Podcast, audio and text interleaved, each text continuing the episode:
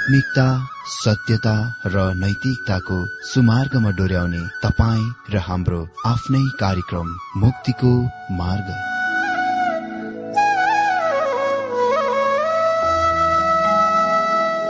आदरणीय श्रोता यस मुक्तिको मार्ग कार्यक्रममा हार्दिक स्वागत छ। आशा छ यस आत्मिक कार्यक्रमद्वारा जीवनमा आत्मिक आशिष अलौकिक शान्ति र आनन्द प्राप्त गर्नुहुनेछ। र जीवनमा धन्य अनुभव गर्नुहुनेछ। आउनुहोस् श्रोता। मन र आत्माको तयारीको लागि यो मिठो अनि मधुर भजन गीत सुनौ।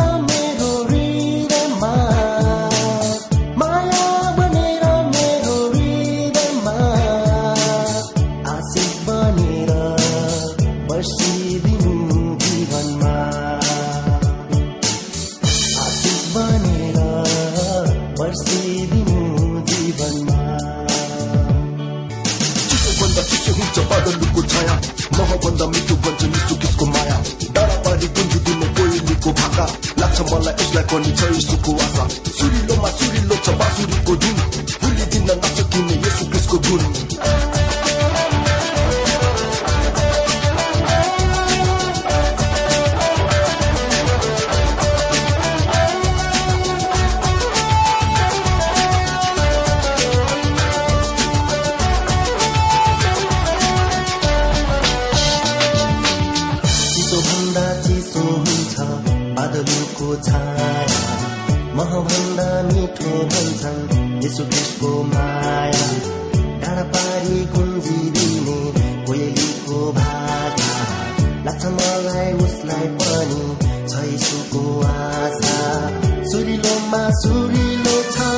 आँसू को धूना भूल भी न सकने विश्व की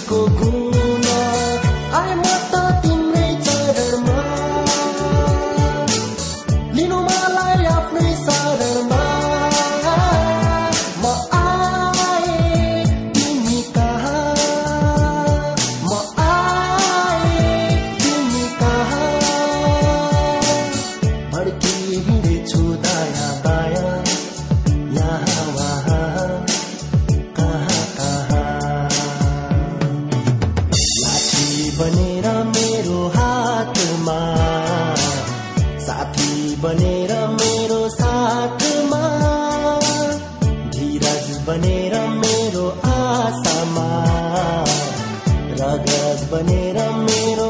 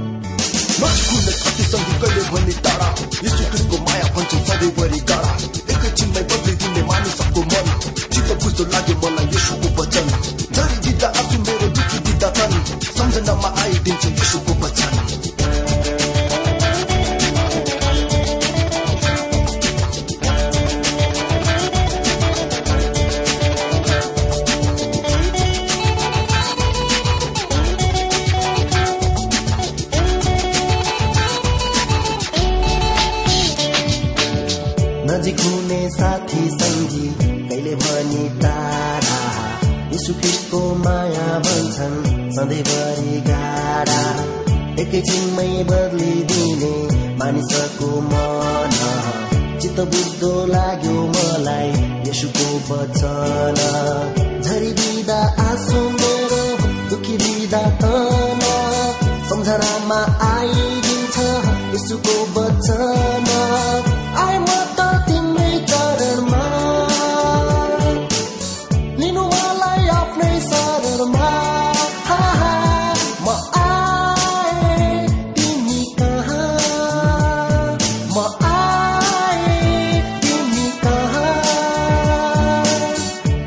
हिँडेछु दया माया।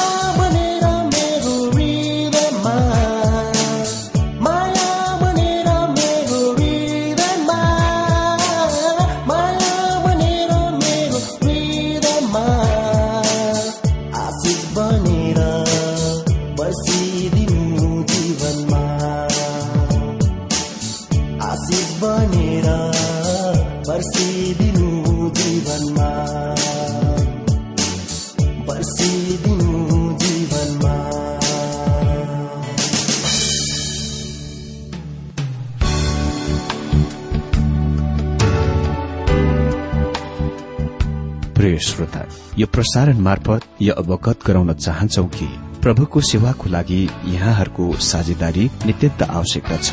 यहाँहरूले प्रार्थनाको साथसाथै आर्थिक सहायता गर्न अनुरोध गर्दछौ। तपाईँहरूको सानो भन्दा सानो भेटी किन नहोस् हामी प्रभुको नाममा स्वीकार गर्नेछौ प्रभुको सेवाको लागि। तपाईँहरूको यो सानो लगानीले कसैको जीवनमा भिन्नता ल्याउँछ? अनि प्रभुको महिमा हुन्छ। प्रभु तपाईँहरूलाई महान गरी आशिष दिनुहुनेछ।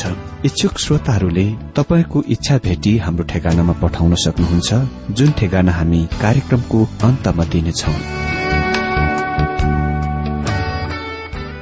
प्रिय श्रोता मित्र प्रभु येशु ख्रिस्टको मधुर अनि सामर्थ्य नाममा मेरो जयमसी तथा हार्दिक स्वागत छ आजको यो बाइबल अध्ययन कार्यक्रममा। श्रोता म आशा गर्दछु तपाई सबै आनन्द कुशले हुनुहुन्छ र आजको यो बाइबल अध्ययनको लागि तयारीको साथ आइपुगिसक्नु भएको छ। मित्र अघिल्लो दिनमा हामीले नहुम दुई अध्यय एकदेखि चार पदबाट असुरीको सर्वनाश विषय अन्तर्गत बाइबल अध्ययन गरिरहेका थियौं। आज हामी यही विषयलाई निरन्तर जारी राख्नेछौ। आज हाम्रो वचन अध्ययन खण्ड हुनेछ नहुम दुई अध्यय पाँचदेखि बाह्र पद। मित्र म तपाईँहरूलाई एकपल्ट यो कुराको याद दिलाउन चाहन्छु कि नहुमको पुस्तकमा हामीसँग यो निन्बे शहरको सम्पूर्ण विध्वंस वा विनाशको स्पष्ट भविष्यवाणी छ। नहुम दुई अध्यय छ पदमा लेखिएको छ नदीका बाँधहरू खुला पारिन्छन् दरबार ढल्छ। मित्र निन्वेको विध्वंस त्यस समयमा आयो जब मादीहरू सिजेरसको नेतृत्व मुनि निन्वेको विरूद्धमा चढ़ाई गर्न आए। त्यस समयमा बाबेल विशाल राज्य थिएन। तर तिनीहरूको यो युद्धमा मादीहरूसँग मिले एकत्रित भए। असुरीको राजा उसका सैनिक अगुवाहरूमा भर पर्दथे आश्रित हुँदथे। तर तिनीहरूका डरको कारण तिनीहरू ठोक्कर खाएर आफ्नो अगाडि बढ्ने काममा लडे। गिरे। निश्चय नै शहरको पर्खालको रक्षा बचाउ युद्धमा प्राथमिक महत्व थियो। भनिएको छ नदीका बाँधहरू खुला पारिन्छन् दरबार ढल्छ। नहुमले यहाँ भविष्यवाणी गर्दछन् कि टाइग्रिस नदी शहरमा फर्किनेछ।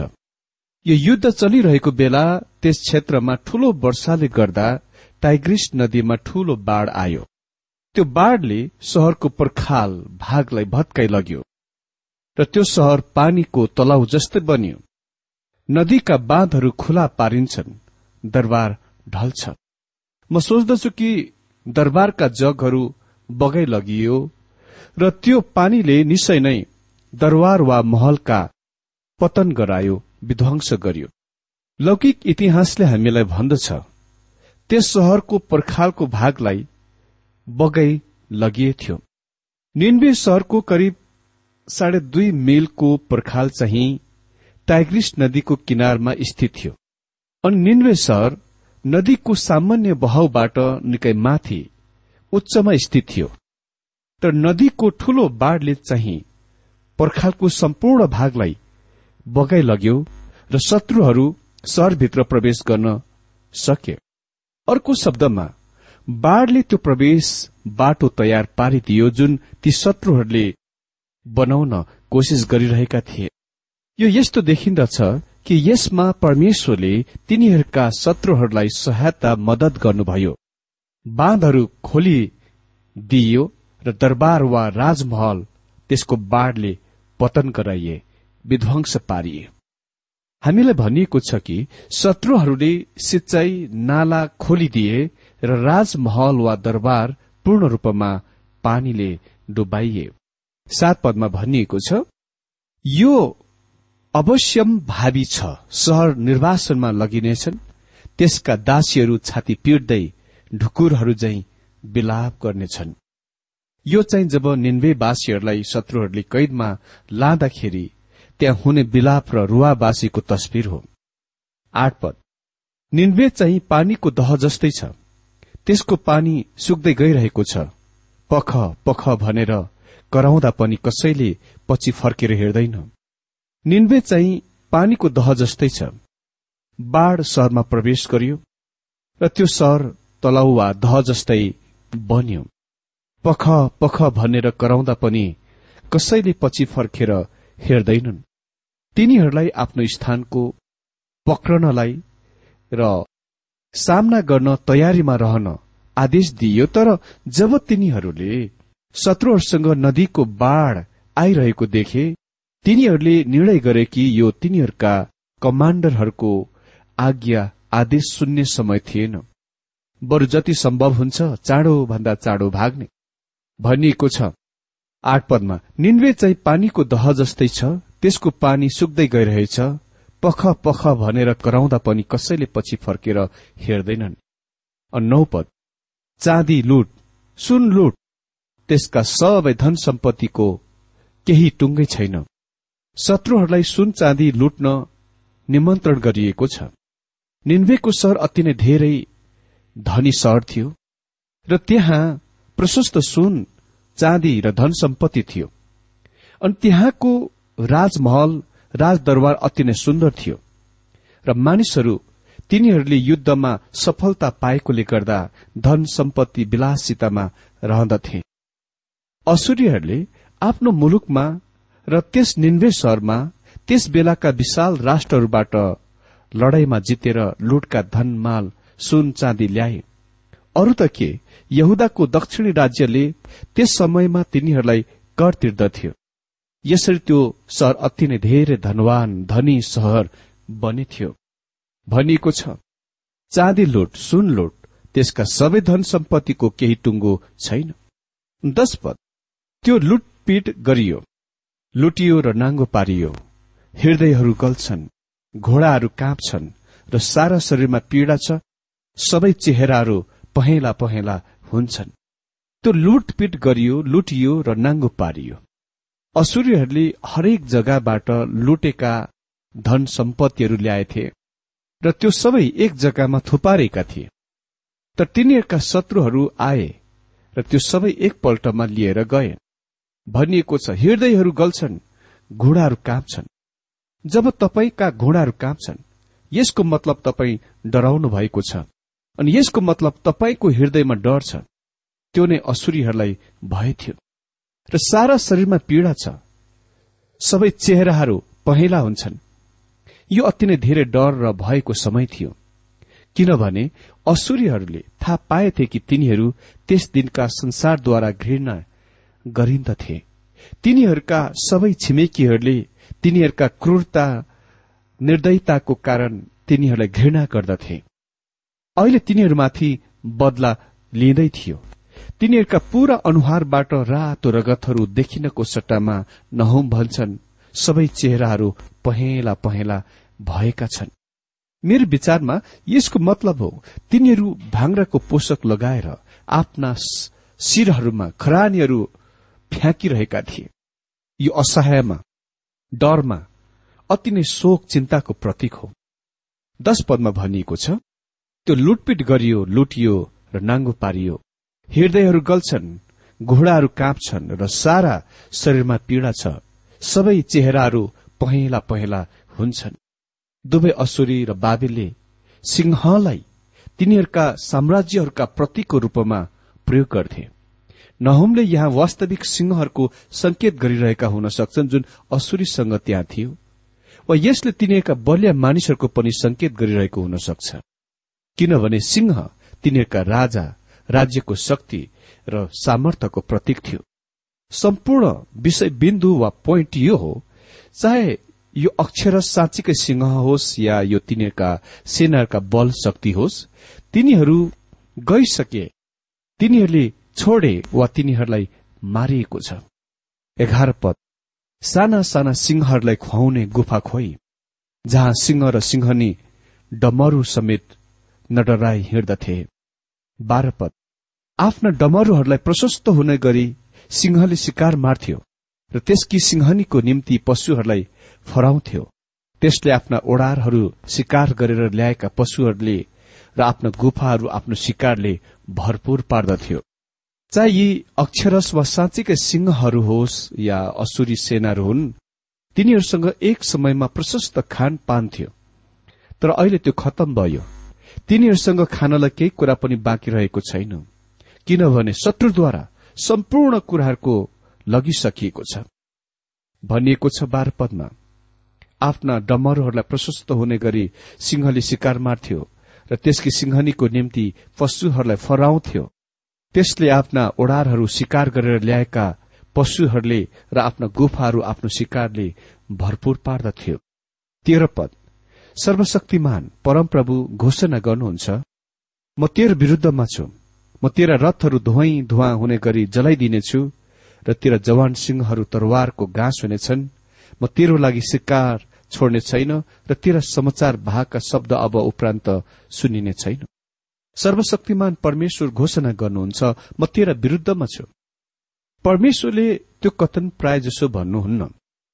उहाँले यसको खालि यहाँ मात्र र इजिकेल अडतिस र उन्तालिस अध्यायमा गोक र मागोको सम्बन्धमा तिनीहरूको लागि मात्र भन्नुहुन्छ। हामी धेरैले विश्वास गर्दछौ कि इजिकेलमा त्यस संकेतले आधुनिक रूसको बारेमा बताउँदछ।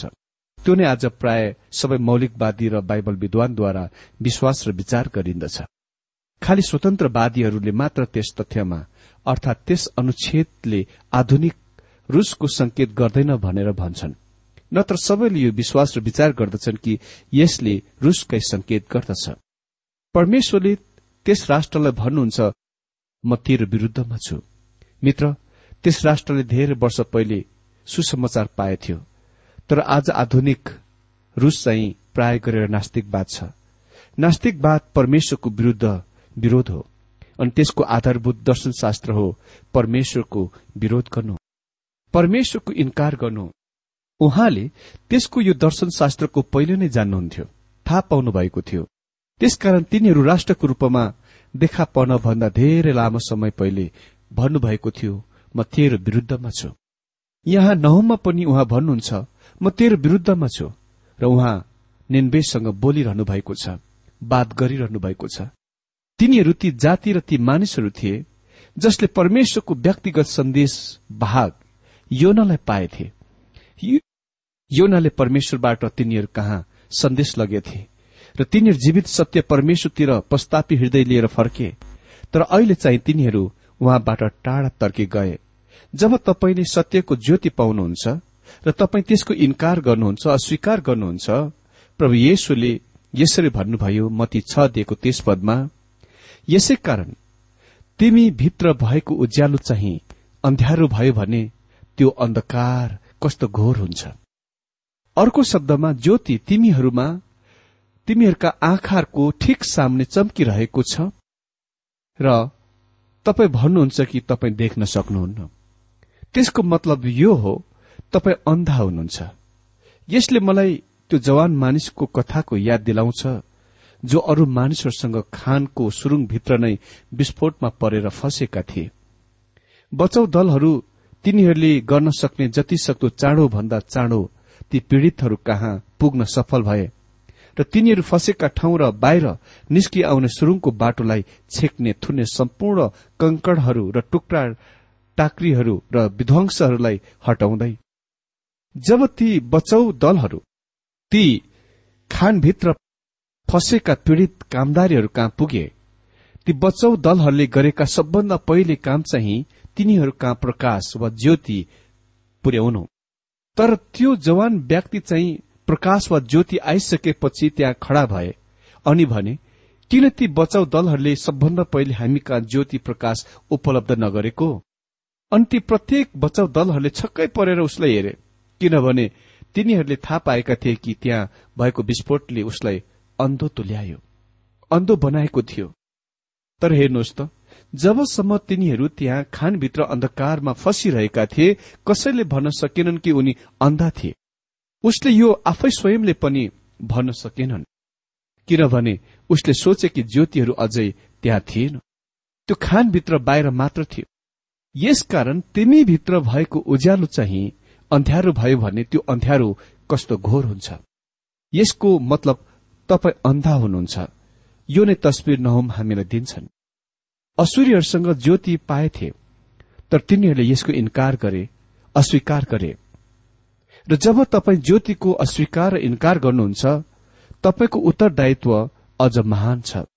भनिएको छ म तेरा रथहरू धुवाई धुवा हुने गरी जलाइदिनेछु र तेरा जवान सिंहहरू तरवारले नाश हुनेछन्।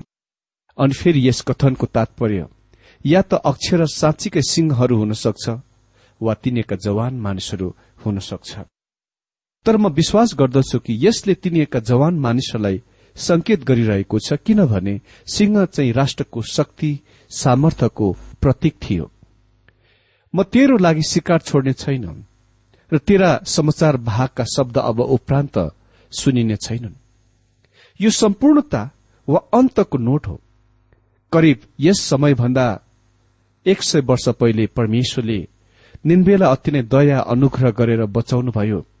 जब तिनीहरू आफ्ना पापहरूको प्रस्ताव गरे र उहाँ कहाँ फर्किआए तर बिस्तारै बिस्तारै तिनीहरू अति नै भयानक सत्य विश्वास त्यागतिर लिप्त भए।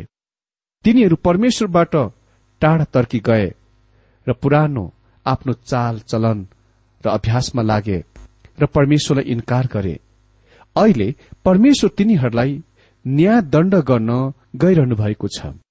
उहाँले तिनीहरूलाई भन्नुभयो म तिमीहरूको विरूद्धमा छु। म तँलाई पतन गराउनेछु। म तँलाई सर्वनाश गर्नेछु। र त फेरि कहिले पनि पुनः प्रकट हुने छैनस् वा देखा पर्ने छैनस्। मित्र यो आज ती मानिसहरूको निम्ति सन्देश हुनुपर्छ जो पूर्ण रूपमा तिनीहरूले आफ्नो पीठ परमेश्वरमाथि फर्काएका छन् इन्कार गरेका छन्। यसको मतलब हो परमेश्वरको दण्ड इन्साफ तिनीहरूमाथि।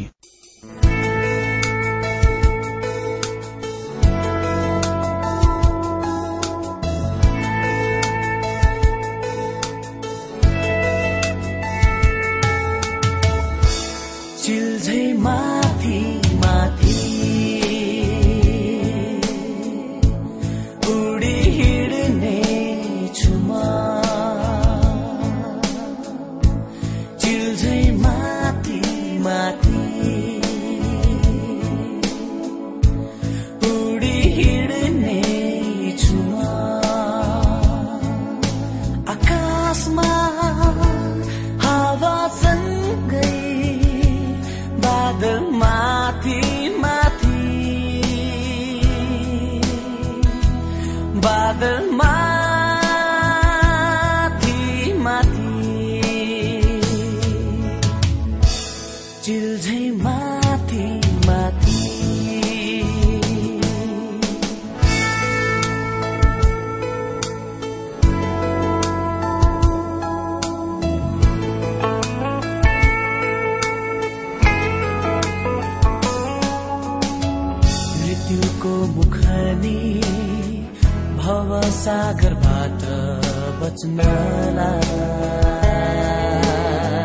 महिमित बखेटा जो मलाई दिनु दिनुभयो उड्नलाई मृत्युको मुखनी भव सागरबाट बच्नलाई महिमित बखेटा जो मलाई दिनु दिनुभयो उड्नलाई उड्नलाई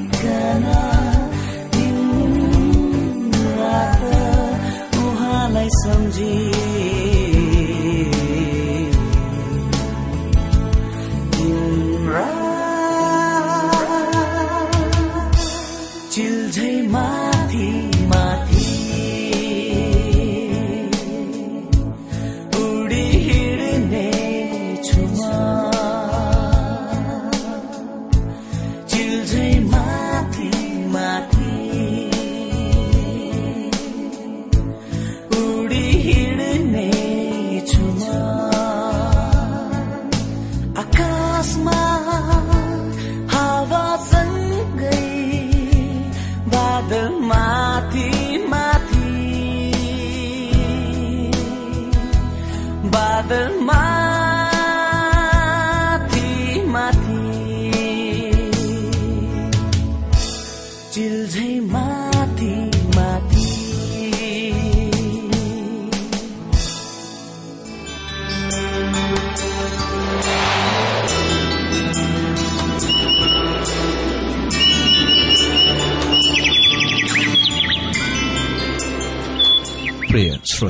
अहिले भर्खरै तपाईँले टीडब्ल्यूआर नेपालद्वारा सञ्चालित आत्मिक कार्यक्रम मुक्तिको मार्ग सुनिरहनु भएको थियो। श्रोता आजको यो कार्यक्रम सुनेर तपाईँलाई कस्तो लाग्यो? यदि यो कार्यक्रम सुनेर मनमा कुनै खुल्दुली वा कुनै प्रतिक्रिया अर्थात सुझावहरू छन् भने हामीलाई पत्रद्वारा लेख्न सक्नुहुनेछ। हामी हृदयदेखि नै स्वागत गर्नेछौ स्वीकार गर्नेछौ साथै बाइबल सम्बन्धित प्रचारहरू कार्यक्रम सारणीहरू हामी अनुरोधमा पठाउन सक्छौ। अनि तपाईँसँग कुनै प्रार्थनाको विषय छन् भने हामीले तपाईँको लागि प्रार्थना गरेको चाहनुहुन्छ भने प्रभुमा आफ्नै परिवार सम्झेर हामीलाई पत्रमा लेख्न सक्नुहुनेछ। तपाईँको लागि हामी प्रभु येशुसँग प्रार्थना गर्नेछौ। अधिक जानकारी र पत्रचारको लागि हाम्रो ठेगाना यस प्रकार छ।